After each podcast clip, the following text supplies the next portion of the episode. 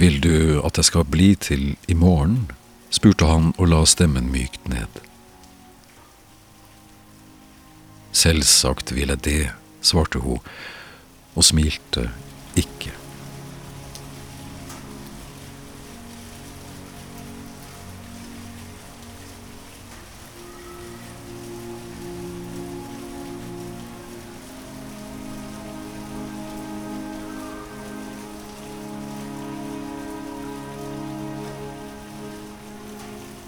Får jeg låne tannbørsten din, da? spurte han, og før hun rakk å svare et smilende ja, innså han det absurde i spørsmålet. Hun sto i døråpningen og kikka på ham mens han pussa tennene. Bredbeint og naken strøk hun ham over håret. I speilet kunne han se at hun strøk de våte, glinsende flekkene tankefullt over hoftene sine. Lyden av tannpuss og våte hender var det eneste som nådde ham.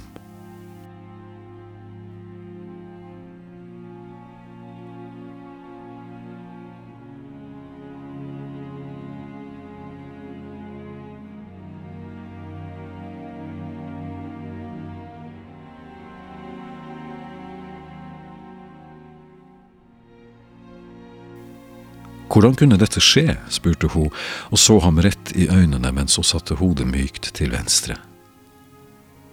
Tja, jeg vet ikke, men det var vel aldri meningen at vi skulle At vi skulle slutte med dette, mener du? fullførte hun. Ja, det var omtrent det jeg mente.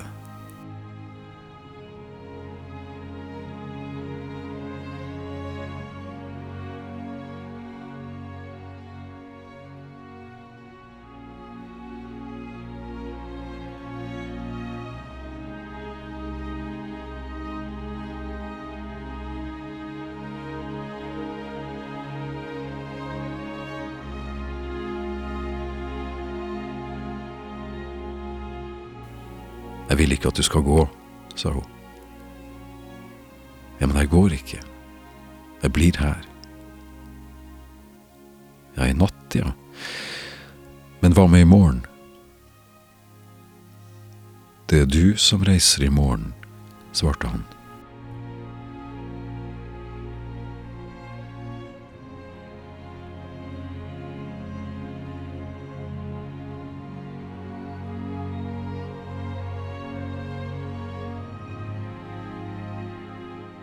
De la seg dovent over den hvite, oppredde sengen. Hun la seg på magen og spredte leppene ut til sidene med den ene hånden. Lot ham se. Bare et kort øyeblikk.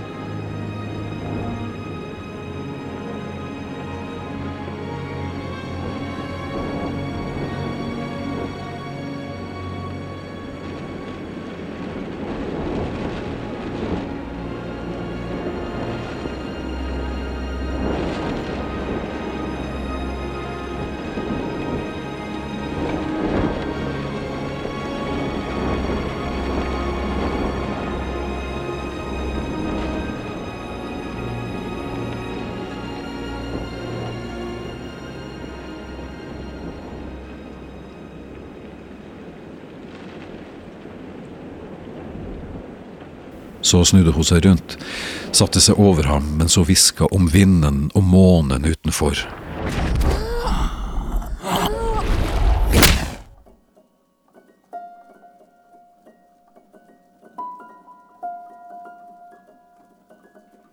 As we get bigger and bigger, the distance between ourselves and that other outside world becomes smaller and smaller.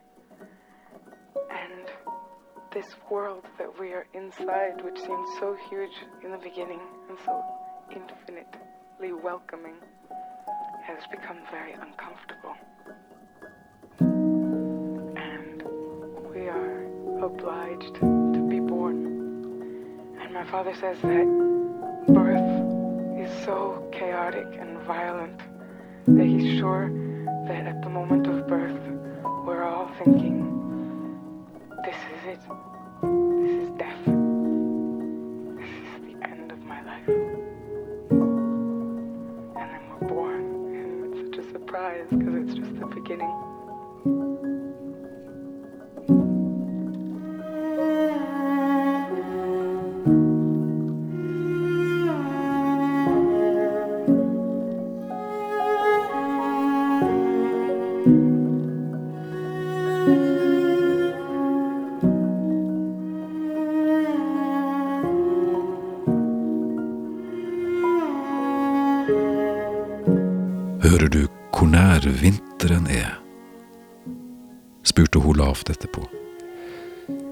De kikka inn i hverandres fortvilelse og blanda tårene med varsomme hender.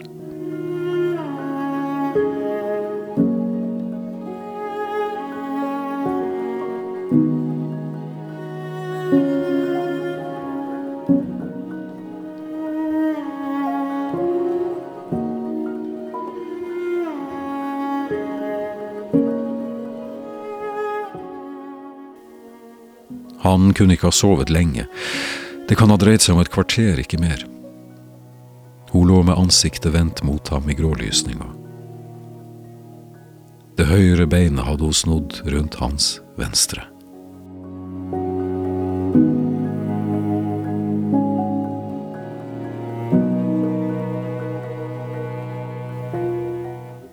Du kommer til å savne meg, sa hun.